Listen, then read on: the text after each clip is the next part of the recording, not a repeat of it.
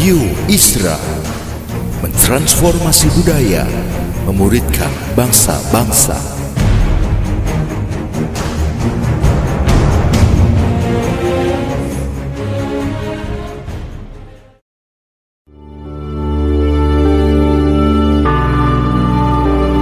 Apostolic Prophetic Messages mengungkapkan pesan dan arahan dari hati Tuhan bagi gerejanya demi menuntaskan mandat kerajaan Allah di Indonesia dan bangsa-bangsa. Selamat mendengarkan.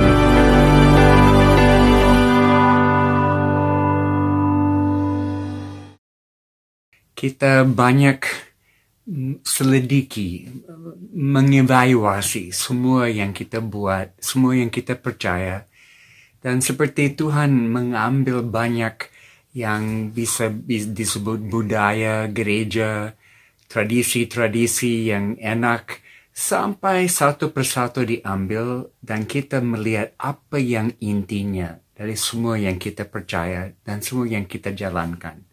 Dan itu temanya yang saya mau bagi. Saya banyak berpikir uh, mengenai hal ini.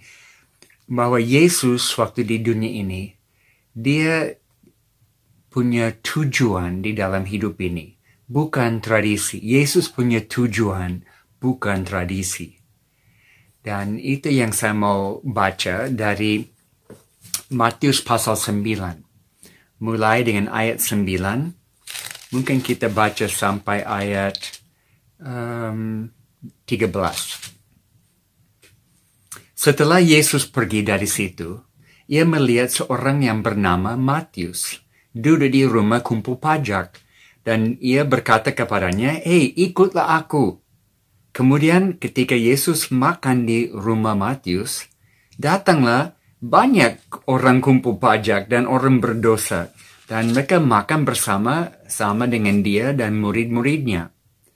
Pada waktu orang Farisi melihat hal ini, berkatalah mereka kepada murid-murid Yesus, "Mengapa gurumu makan bersama-sama dengan orang kumpul pajak dan orang berdosa ini?" Yesus mendengarnya dan dia berkata, "Bukan orang sehat yang memerlukan dokter, tetapi orang sakit. Jadi pergilah dan pelajarilah arti firman ini yang ku kehendaki ialah belas kasihan dan bukan persembahan. Karena aku datang bukan untuk memanggil orang benar, melainkan orang berdosa. Jadi, pertama kita mau melihat di dalam ayat-ayat ini bahwa Yesus tidak pilih kasih. Dia datang khusus untuk uh, orang-orang yang dunia melupakan, dunia menolak. Uh, kita bawa diri ke dalam firman ini. Dan Yesus baru buat banyak mujizat. Uh, kesembuhan ilahi, tanda-tanda ajaib. Dan seharusnya semua masyarakat senang. Dan uh, mau memuliakan Yesus karena semua yang dia buat. Tapi ada orang atau pihak yang tidak suka orang agamawi. Karena Yesus tidak mengikuti uh, semua struktur agama mereka dan tidak menghormati posisi uh, pemimpin di dalam agama itu. Jadi oleh karena uh, orang agama menolak dia, dan jangan sampai ini disamakan dengan orang gereja menolaknya. Yesus tutup pintu itu dan dia buka pintu terhadap orang yang di tempat lain, orang yang lebih haus, orang yang lebih rindu, orang yang lebih desperate. Dalam waktu COVID ini, Tuhan cari siapa yang lebih desperate. Dan di tengah-tengah masyarakat dia masuk. Dia datang gaul dengan orang biasa untuk mencari siapa yang memerlukan sesuatu. Sama tanya, kalau Yesus datang ke rumahmu, dia akan masuk ke mana? Biasanya kalau ada tamu istimewa, tamu khusus datang. Oh kita bersihkan rumah dan kamar tamu kita siapkan dan tamu dipersilakan duduk di tempat yang enak, ada kue, ada teh yang disiapkan. Tapi sama tanya, kalau Yesus saudara dengar, oh Yesus ada datang ke kota saya. Dia mau datang ke rumah saya hari ini. Sudah disiapkan dan dia masuk lewat pintu depan. Yesus akan masuk ke kamar yang mana? Saya duga Yesus tidak akan duduk di kamar tamu. Dia, kalau dia masuk rumah kami, dia akan langsung ke dapur dan akan duduk di lantai karena kami selalu di dapur, kami masak sama-sama, ngobrol sambil, sambil masak dengan anak-anak semua yang tinggal di rumah kami. Dan sering kami duduk di bawah, kami tidak pakai kursi, tidak pakai sofa, kami duduk di lantai. Yesus pasti akan duduk di dapur, di lantai, sama-sama dengan kami. Karena Yesus tidak cari privilege, dia tidak cari sesuatu yang khusus, yang di atas tahta di rumahmu dia mau gaul. Dan waktu dia datang ke pantai Galilea, dalam ini konteks kita bawa diri ke dalam firman ini. Kita ada di pantai Galilea. Dia baru menyeberang danau Galilea. Dia di daerah Gerasa di mana dia menyembuhkan orang yang kerasukan banyak setan. Orang yang gila, yang bertahun-tahun telanjang di dalam tempat kuburan lari-lari dan Yesus sembuhkan dia, lepaskan semua roh jahat dan dia uh, sudah sudah uh, sadar dan uh, berpakaian lagi dan dia senang dia dapat second chance dalam hidup ini. Dan dari situ Yesus kembali, dia menyeberang danau dan kembali. Dan waktu dia ada di dan di pantai, baru tiba di pantai Galilea, dia buat apa? Dia tidak buat KKR di pinggir danau. Dia datang melayani di pantai dengan cara apa? Yesus melayani dengan cara apa?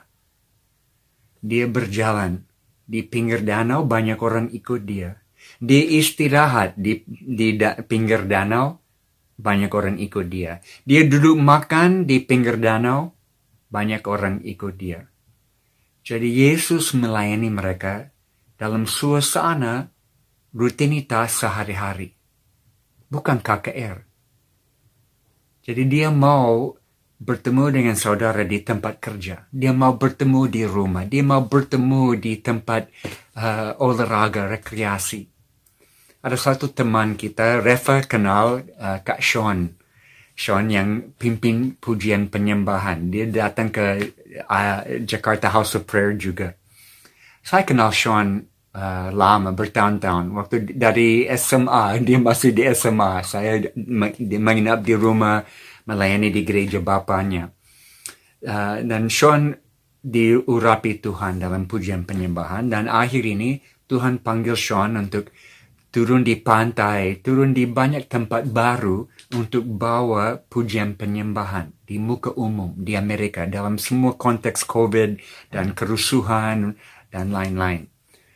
Dan saya kontak dengan Sean dan saya bilang Sean, saya berdoa untuk Sean dan semua pelayanan yang Tuhan buka dan saya minta buat apa yang Yesus akan buat kalau dia ada di Amerika sekarang. Jadi bawa Yesus ke ke mana-mana, ada konflik, ada sesuatu tantangan, bawa Yesus di situ dan biar Yesus menyatu dengan masyarakat di dalam semua yang mereka alami sekarang. Di Indonesia sama. Yesus mau menyatu bersama kita dalam semua yang kita alami sekarang. Nah, Palestina harus mengerti, Palestina dibagi dua ada Yudea ada di selatan, ada Galilea di utara. Nah, Yudea adalah provinsi yang penjajahan Romawi total dan banyak tentara ditempatkan di situ supaya kontrol. Tapi Galilea di bagian utara uh, itu lebih longgar PS, uh, uh, PSSB. Uh, Galilea karena uh, Herod, Herodus Herodus punya anak namanya Herodes Antipus dan dia setengah darah Yahudi. Jadi dia memerintah di Galilea sampai Roma tidak harus tempatkan tentara banyak seperti di Yudea. Jadi uh, dia uh, tahu ekonomi dari Eropa sampai ke Afrika semua harus lewat di situ. Uh, jadi Galilea daerah penting dilingkari dengan banyak negara yang lain. Dan commercial route lewat di situ. Karena itu Kapernaum adalah tempat di mana kumpul pajak. Karena orang dari luar negeri lewat di situ dalam perjalanan melalui Galilea dan selalu di, diminta pajak barang luar negeri. Jadi itu sebabnya Matius ada di sini dengan banyak uh, banyak orang lain yang kumpul pajak. Nah, orang yang kumpul pajak pada waktu itu, mereka bisa menentukan angka uang yang mereka mau. Karena tidak ada daftar masyarakat tidak tahu pajak uh, berapa setiap uh, barang yang harus dibayar. Uh, tidak ada daftar barang kena pajak. Jadi orang kumpul pajak selalu menipu dan tidak disuka oleh masyarakat. Dan Matius ada dalam kelompok itu. Matius atau nama lain Lewi, dia pegawai kumpul pajak. Dan dia tidak kerja untuk Roma seperti Zacchaeus. Kita tahu di Jericho ada Zacchaeus. Dia juga kumpul pajak. Dia bos mafia pajak di situ. Tapi di Jericho uh, masih ada penjajahan Romawi dengan tentara dan mereka anggap, masyarakat anggap uh, Zacchaeus kerja untuk pemerintah penjajahan. Jadi mereka benci Zacchaeus karena mereka lihat dia menyatu dengan pemerintah penjajahan. Tapi di Galilea, Matius dan teman-teman ditolak bukan karena rasa mendukung pemerintah penjajahan, tapi karena penipuan. Mereka anggap Matius selalu tipu orang jahat merugikan masyarakat. Itu sebabnya Matius dibenci. Masyarakat di situ juga bikin satu golongan uh, orang berdosa. Mereka bilang ada pencuri, pembunuh, dan orang kumpul pajak. Itu golongan orang jahat, orang berdosa yang paling nakal. Jadi orang kumpul pajak sama dengan orang yang membunuh. Uh, di bait Allah, kalau mau masuk ke bait Allah, mau berdoa, orang kumpul pajak tidak diizinkan. Mereka tidak boleh masuk bait Allah. Jadi ini memberi gambaran betapa dibenci, ditolak Matius oleh masyarakat. Uh, bagaimana saudara dan saya memandang orang berdosa? Apakah kita anggap mereka kriminal yang harus dan layak dihukum? Atau kita anggap mereka sebagai orang yang sakit, yang perlu diobati. Suatu kali saya layani satu gereja, bukan di Papua, di tempat lain. Banyak orang ikut. Beberapa kali saya khotbah dan sesi terakhir, kebaktian terakhir, full dan semua orang keluar habis firman. Tinggal ada satu pasang perempuan laki-laki agak di pinggir, mereka tunggu sampai semua orang tinggalkan aula itu dan hanya mereka berdua dan saya. Dan saya lihat mungkin mereka mau bicara. saya turun dan saya duduk di depan mereka. Saya balik dan tatap muka dengan mereka. Saya mulai bicara dan perempuan yang uh, omong dulu dan dari bahasa waktu kami bicara, saya mau kenalan, saya bisa tahu dari gaya bicara bahwa dia wanita pelacur. Dan saya ter, dalam hati terkesan dia mau datang ke gereja. Dan dia mulai ekspresi bahwa dia dan teman rasa ditolak. Dan karena mereka dengar saya mau khotbah hari itu, mereka datang dan harap bisa bertemu dengan saya. Wow, kami duduk lama bicara. Dan dia akhirnya kenalin saya dengan temannya. Saya pikir pacarnya. Tapi waktu teman mulai bicara, saya mulai sadar ini bukan laki-laki, ini perempuan uh, yang penampilan laki-laki dan sudah per, dari kecil rasa diri seperti laki-laki bukan perempuan. Dan sudah ikut operasi uh, ganti kelamin atau sex change. Dan dia rasa sangat-sangat ditolak oleh keluarga. Dan dua-dua menangis berat. Dan saya dengar dari mereka dan ada counseling dan saya ambil nomor mereka dan teruskan kontak dengan mereka. Tapi saya hanya mau buka kesempatan ini atau ilustrasi ini. Tanya kalau orang seperti ini datang ke persekutuanmu, apakah diterima apa adanya? kita terima orang, tidak terima dosanya, tapi kita terima orang apa adanya. Itu hati Tuhan Yesus. Dan Yesus cari siapa yang ada keperluan. Itu magnet yang men menyentuh hati Yesus. Jadi, oleh karena Matius dan teman-teman banyak ditolak, ada rasa kosong di dalam hati, kekosongan di dalam hati tidak ada perhatian dari orang lain.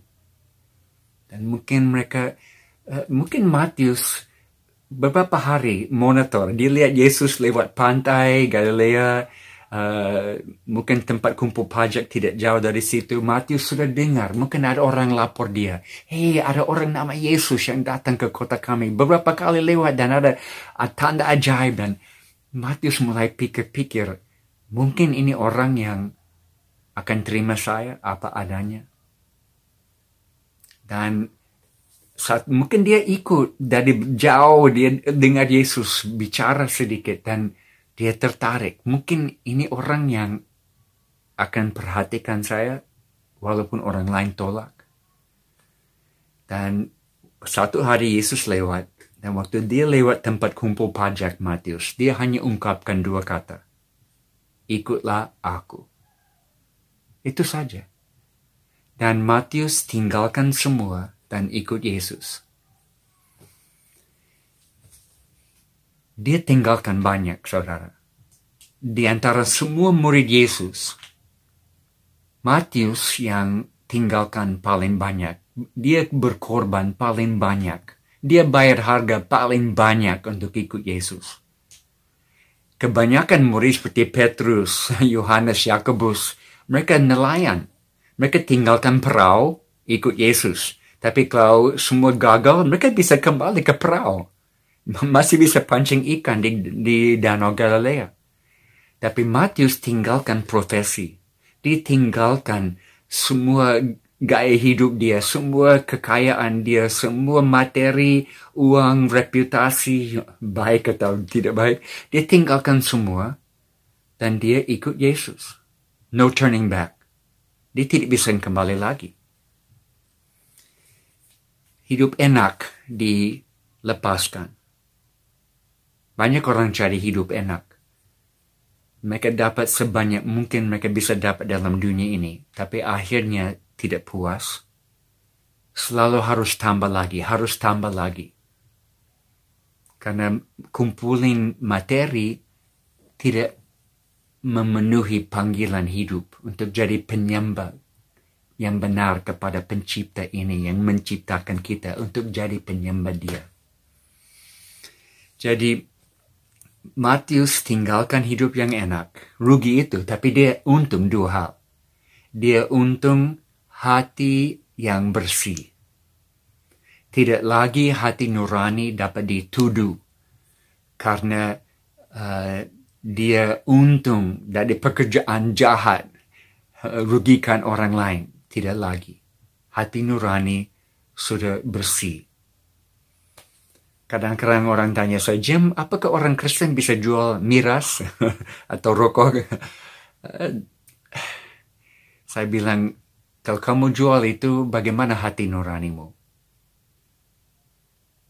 It's, itu bukan, saya bukan hakim. Tapi saya lihat Matius waktu dia tinggalkan semua.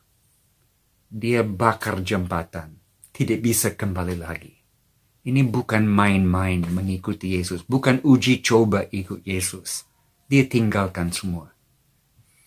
Dan satu lagi Matius dapat pekerjaan lebih mulia. Dia menjadi saat salah satu di antara murid-murid ini yang akan cungkul balik dunia. Akan robot dunia. Dia tukar profesi untuk merubah dunia. Wow, saya mau di situ. Nah, Yesus uh, tertarik kepada golongan masyarakat yang menunjukkan bahwa mereka punya keperluan besar. Dalam ayat berikut, Yesus panggil Matius, dia tinggalkan semua. Ayat berikut, Yesus di mana? Dia ada di rumah Matius, makan dengan Matius dan semua teman-teman atau geng uh, kumpul pajak. Ini anak-anak nakal semua. Ini komunitas Matius. Nah, tangkap ini. Matius adalah pintu masuk ke dalam komunitasnya. Yesus selalu perhatikan komunitas, bukan individual. Individual adalah pintu masuk ke dalam komunitas. Jadi Yesus pakai Matius untuk masuk ke dalam komunitasnya supaya bisa bangun jemaat. Dia mau rintis jemaat di situ. Yesus mau rintis jemaat dengan anak-anak nakal. Bukan anak-anak yang bersih, yang rapi, yang anak-anak baik. Waktu kami pindah ke kota 20 tahun lalu dari pedalaman Papua, kami punya tujuan mau rintis pelayanan dengan anak-anak nakal banyak gereja tahu caranya melayani anak-anak yang bersih, anak-anak yang tertib, anak-anak yang manis. Tapi mereka tidak tahu buat apa dengan anak-anak yang broken. Dan kebanyakan anak muda zaman ini adalah anak-anak yang broken. Dan kami mulai dengan anak-anak yang minum mabuk. Kami tampung di rumah satu geng yang selalu minum mabuk dan mereka akhirnya bertobat, stop minum, terima Yesus, serahkan hidup kepada Tuhan dan hidup mulai baik. Dan dari situ kami jangkau yang lain, yang geng-geng yang berkelahi di jalan, anak-anak korban narkoba, penyedar narkoba, ya semua. Karena mereka tidak punya fokus dan perhatian dari gereja-gereja pada umumnya. Saya dan istri punya panggilan Pasti kalian ingat, saya pernah singgung ini di Reva, bahwa kami mau buat pelayanan yang orang lain tidak bisa buat atau tidak mau buat. Kalau orang lain bisa buat, silakan. Kami mau buat pelayanan yang orang lain tidak mau atau tidak bisa. Dan banyak gereja tahu caranya melayani anak-anak manis, anak-anak bersih, tapi tidak tahu buat apa dengan anak-anak yang broken, yang nakal. Dan itu anak-anak yang menarik hati Tuhan Yesus. Yesus tidak pernah minta kita uh, bikin orang Kristen lebih Kristen. Uh, dan waktu ada kelompok datang, ada orang-orang gereja, orang Farisi, mereka datang dan melihat Yesus makan dengan anak-anak nakal ini. Mereka tanya, kenapa Yesus mau gaul dengan anak-anak seperti ini, anak-anak nakal? Dan Yesus jawab, ini masyarakat saya. Orang sehat tidak perlu dokter, orang sakit yang perlu dokter. Saya datang untuk mencari yang hilang. Tujuan, Yesus punya tujuan dalam hidupnya, bukan tradisi. Sekarang saudara kita kembali kepada tujuan. Tujuan hidup ini, tujuan persekutuan, tujuan semuanya bukan hanya untuk putar-putar orang Kristen, bikin Kristen lebih Kristen, tapi untuk mencari mereka yang hancur, yang kacau, yang tertinggal, yang tertolak, dan dengan mereka kita menemukan masa depan yang lebih cerah. Dan ada ayat yang berikut yang ini yang saya mau sangat diperhatikan. Yesus bilang, perhatikan ayat ini bahwa yang yang uh, ayat 13 uh, pergi dan pelajari arti ini yang ku kehendaki ialah belas kasihan dan bukan persembahan Yang Tuhan ingin adalah belas kasihan, bukan persembahan.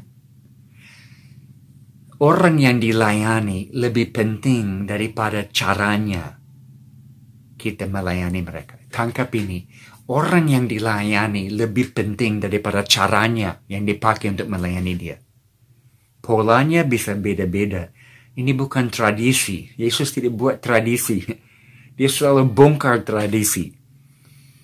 Uh, kalau Yesus datang hari ini, pasti kita fokus dengan polanya. ya, oh kami gereja yang uh, pakai uh, air ludah di mata orang buta. Kami lihat Yesus pakai dia pakai air ludah di dalam mata orang sembuh. Kami gereja itu, oh tidak, itu sesat. Kami gereja yang pakai lumpur. Yesus bikin lumpur dengan air ludah mulut dan lumpur ditempel di mata baru sembuh.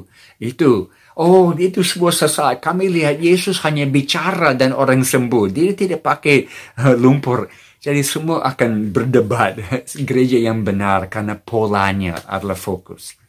Jangan fokus pada polanya. Fokus pada tujuannya. Orang yang sakit, orang yang perlu dokter, orang yang tahu keperluannya. Contoh, ada dokter yang pasien datang dan dia ada masalah jantung dan dokter periksa jantung dan dokter bilang, ya jantungmu sakit dan begitu parah satu detik semua bisa stop dan kamu bapak bisa meninggal langsung di tempat. Oh dokter bisa kasih obat?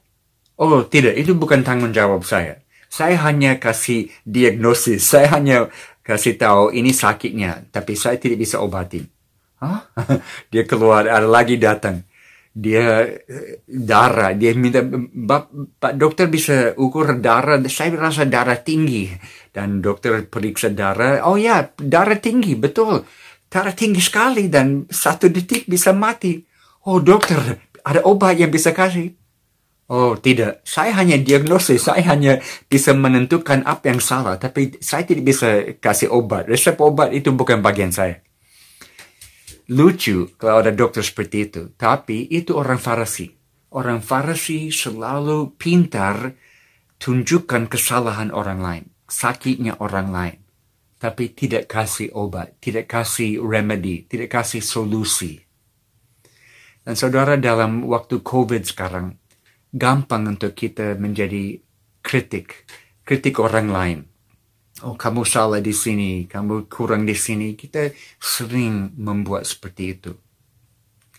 Mungkin lebih banyak sekarang. Suami istri konflik lebih banyak sekarang. Anak-anak dengan orang tua banyak. Dan mungkin kita harus mulai jaga mulut ini.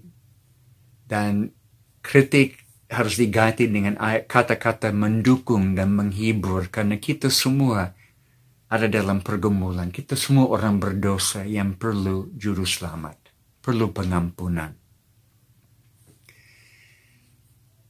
Kita tidak baca tadi, tapi ayat 13 sampai 17, uh, esok hari ada gelombang atau kelompok uh, baru lagi datang ke Yesus. Uh, kelompok ini lebih baik daripada kelompok pertama.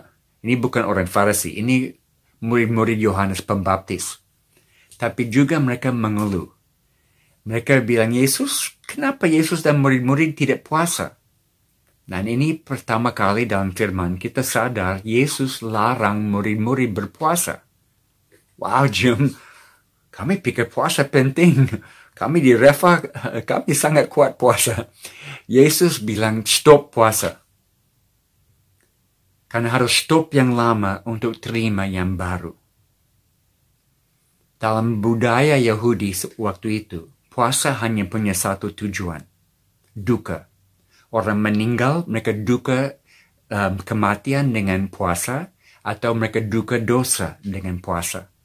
Dan Yesus bilang stop, stop yang lama, untuk terima yang baru. Selama pengantin ada bersamamu, ini bukan waktu untuk duka. Itu bisa dibuat nanti. Jadi kita tahu sekarang puasa punya arti yang baru tapi tidak ada hubungan dengan yang lama. Yesus bilang stop yang lama untuk terima yang baru. Dan di akhir dengan contoh mengenai anggur. Kalau ada anggur baru, tidak boleh isi dalam kantong kulit yang lama akan pecah. Harus ada kantong kulit yang baru. Dan saudara, anggur di situ bukan roh kudus. Anggur adalah penuaian. Karena konteks adalah Matius yang ikut Yesus. Penuaian tidak bisa diisi dalam kantong yang lama harus ada kantong yang baru. Dan itu yang terjadi sekarang. Lewat coronavirus ini, uh, Tuhan menunjukkan banyak kantong kulit yang baru untuk penuaian akhir zaman ini. Kita buta terhadap banyak. Kadang-kadang kita jatuh ke dalam satu atau dua. Tapi saudara ada banyak kantong kulit baru yang Tuhan berikan kalau kita buka mata melihatnya. Tapi tidak sama seperti dulu. Ini new normal sangat. New normal untuk penuaian akhir zaman. Penuaian new, new wine, anggur baru ini. Mungkin hanya saya akan singgung beberapa sebelum kita selesai ini. Uh, anak muda dan saudara di Reva pernah dengar saya singgung tentang anak muda dan saya tidak akan stop. Karena saya percaya kita ada di pintu masuk kegerakan seluruh dunia anak muda. Saya produk kegerakan anak muda terakhir di dunia, Jesus People Movement. Waktu saya muda, saya nakal dan Tuhan tangkap hidup saya. Pada waktu banyak ribu-ribuan orang dari pinggir jalan, dari pantai di California, di Amerika bertobat dan saya salah satu. Kami semua rambut panjang, gila narkoba, tapi Tuhan panggil dan kami tinggalkan semua dan ikut Yesus. Itu gerakan besar. Tapi itu tidak tersebar seluruh dunia, hanya di Amerika, sedikit di Meksiko, Kanada, Filipina, tapi tidak sampai Indonesia. Sekarang saya percaya kita ada di pintu masuk kegerakan anak muda seluruh dunia karena internet, karena informasi bebas, ini bisa tersebar cepat. Dan akan mulai dengan anak-anak yang paling desperate. Yang kehilangan semua. Mungkin di dunia barat, Amerika atau Eropa akan susah. Tapi di Asia, mungkin Indonesia, atau di daerah lain, mungkin India, atau di Timur Tengah, di mana anak-anak hancur generasi muda dan mereka cari desperate untuk sesuatu bagi mereka, Tuhan akan berikan. Saya percaya gerakan anak muda ada sekarang. Bukan pelayanan anak muda di gereja. Pelayanan anak muda di gereja selalu pelayanan samping. Pelayanan anak muda adalah pelayanan sentral untuk melihat mereka bangkit dan merubah dunia mereka karena mereka ada di dalam kondisi sangat broken, sangat kacau sekarang. Kita tahu uh, penceraian bukan fenomena barat lagi, tapi sudah datang ke Asia, sudah datang ke Hong Kong, ke Korea. Hong Kong 50% penceraian. Korea Selatan mendekat 50%. Dan siapa korban semua ini? Anak-anak. Kami punya kegerakan. Anak muda sudah beberapa tahun, 5-6 tahun, seluruh Indonesia. Ada 10 ribu anak muda dalam kegerakan ini sekarang. Saya satu tahun, tahun lalu saya duduk dengan 14 pemimpin. Perempuan laki-laki. Umurnya 19 sampai 24. Saya ada dengan mereka tiga hari ya, seperti training pemimpin gerakan anak muda. Dan saya tanya mereka, di antara kalian waktu masih kecil di rumah, berapa banyak di sini punya dua orang tua, mama dan bapak ada waktu kamu kecil? Angkat tangan. Tidak ada yang angkat tangan. Saya tanya lagi, oke, okay, di antara kalian waktu kecil di rumah, berapa banyak punya satu orang tua, mama atau bapak? Ada satu, angkat tangan. Ada tujuh yang angkat tangan. Saya tanya, oke, okay, waktu kecil berapa banyak yang tidak ada orang tua, mama, bapa tidak ada sama sekali sepanjang umur kecil waktu di rumah. Angkat tangan. Yang lain semua tujuh angkat tangan.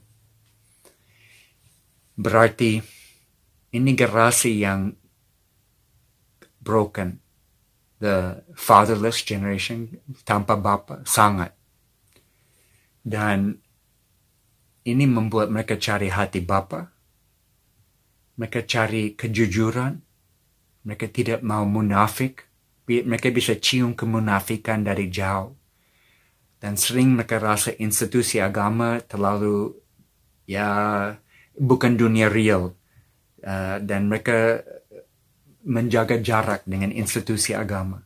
Tapi mereka punya kehausan rohani yang sangat tinggi. Kalau kita menjawab itu, banyak akan datang sekarang. Banyak. Sama seperti Matius di dalam ayat-ayat ini. Mereka siap. Kalau mereka bisa lihat ini real. Yesus datang kepada mereka dalam hidup yang real. Di dalam semua susah, semua sakit hati, semua counseling yang diperlukan. Yesus terima mereka apa adanya dan mau bawa mereka ke dalam hidup yang baru. Mereka siap. Jadi satu kantong kulit baru adalah gereja anak muda. Bukan pelayanan anak muda, gereja anak muda. Mereka akan pimpin, mereka akan berkembang dari mereka, untuk mereka. Ada yang tanya saya, Jim, ada kartu nama? saya tidak punya kartu nama. Tapi kalau ada, mungkin ini yang akan ditulis. Jim Yost, Dream Maker. Pembuat mimpi. saya mau bantu anak-anak menciptakan mimpi dan mengejar mimpinya. Dapat mimpi dari Tuhan. Satukan mimpimu dengan mimpi Tuhan untuk hidupmu. Karena anak muda perlu tiga hal saudara dan kita harus tangkap ini. Mereka perlu uh, komunitas, tempat di mana mereka diterima apa adanya. Mereka perlu identitas. Kenapa saya ada di sini? Apakah saya hanya satu angka di antara lautan manusia? dan mereka perlu tujuan. Mereka mau rubah dunia, tapi tidak selalu tahu caranya. Dan Yesus datang untuk tiga ini. Komunitas, identitas, tujuannya. Itu yang menarik hati Yesus. Dan ini harus menarik hati saudara dan saya. Untuk melayani anak-anak seperti ini. Yang kantong kulit, satu lagi yang kita akan lihat banyak dalam COVID ini dan sesudah COVID uh, banyak ibu-ibu, banyak perempuan bangkit sekarang dan melayani. Banyak sekali. Di China, 70% gereja di China dipimpin oleh perempuan. Dan laki-laki yang nonton ini, saya mau bilang, kalau kamu tidak bangkit, Tuhan akan bangkitkan perempuan dan ambil alihmu. Uh, mari kita laki-laki banyak mulai bangkit lewat COVID ini uh, mereka menjadi imam di rumah tapi kalau mereka tidak bangkit perempuan akan dibangkitkan oleh Tuhan dan dipakai dan di Papua missionaries yang paling jago tahan banting di tempat yang susah itu perempuan. Perempuan biasanya single. Mereka pilih uh, hidup di tempat susah karena mereka mau melayani Tuhan. Jadi perempuan dipakai Tuhan kantong kulit baru. Juga kantong kulit lagi uh, laki-laki yang biasa. Suami, ayah yang setia di dalam keluarga. Tidak akan tampil di panggung, tidak akan live streaming besar-besaran, tapi mereka setia dan Tuhan pakai bapa-bapa yang biasa. Itu itu mulai bangkit sekarang. Lewat COVID banyak gereja rumah terjadi sekarang dan dipimpin oleh bapa-bapa biasa yang tidak akan tampil di depan gereja besar, tapi di rumah mereka buat apa yang Tuhan percayakan mereka. Dan yang keempat, terakhir, uh, kantong kulit baru adalah profesional. Orang-orang pengusaha, bapak-bapak, ibu-ibu yang dari dunia bisnis, Tuhan bangkitkan mereka untuk rubah dunia. Dan bisnis menjadi gereja Ah, banyak yang tanya saya, bagaimana kuncinya saya bisa buat ini? Ya, kuncinya adalah usahamu harus diserahkan kepada Tuhan. Harus lepas tangan dan bilang, Tuhan, bisnis saya menjadi milikmu. Dan waktu Tuhan kembalikan, menyerahkan kembali kepadamu, ini bukan bisnis lagi, tapi ini gereja. Dan semua karyawan adalah anggota jemaat. Dan cara berbuat bisnis adalah cara memuridkan murid-murid yang Tuhan percayakan kepadamu. Dan ini mulai terjadi. Uh, business bukan as mission, business as church. Usahamu adalah gereja. Dan uh, ini cukup luar biasa yang terjadi sekarang. Saya tidak bisa cerita semua. Tapi kantong kulit baru banyak. Jadi saya harap lewat firman ini saudara bisa tangkap. It's a great time to be alive. Ini waktu paling indah untuk hidup. Karena satu persatu Tuhan hilangkan semua tongkat-tongkat yang kita pakai supaya kita hanya tinggal sendiri bersama Yesus. Dan kita melihat Yesus tidak punya semua tradisi. Dia hanya punya tujuan. Orang yang memerlukan dokter. Dan tujuan hidup kami harus sama dengan tujuan Yesus. Satukan tujuanmu dengan tujuan Yesus. Satukan visimu dengan visi Yesus.